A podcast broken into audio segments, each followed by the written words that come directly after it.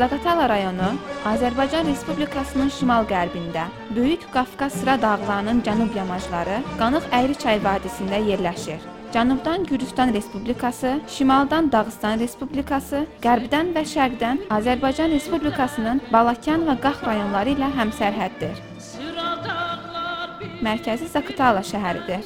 Şəhər dəniz səviyyəsindən 535 metr hündürlükdə Azərbaycan Respublikasının paytaxtı olan Bakı şəhərindən 445 kilometr aralıda, Tala çayının sahilində, Yevlax-Balakən şossesi yolunun üzərində, nəhəng İpək yolunun üstündə, vaxtilə şərqin ən böyük ticarət mərkəzlərindən olan Əski bazarın 25-30 kilometrliyində Böyük Qafqaz silsiləsinin cənub ətəyində yerləşir.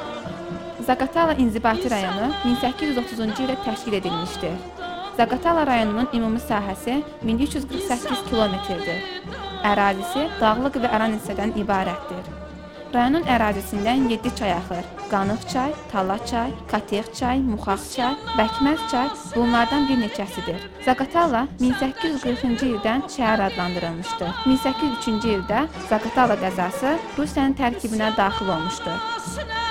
Zaqatala sözünün yaranmasına dair etimologiya isə müasir Zaqatala adı Sakatala, Sak düzü adını dəyişilmiş formasını təşkil edir. Eramızdan əvvəl 7-ci əsrin əvvəlində Kimmer-Skit dalğaları ilə ön Asiyaya düşmüş sak tayfaları Albaniyanın ərazisində də məskən salıblar və bu ərazi Kürçanın sağ sahilindən Qafqaz dağları ətəklərinə qədərki ərazini tuturdu.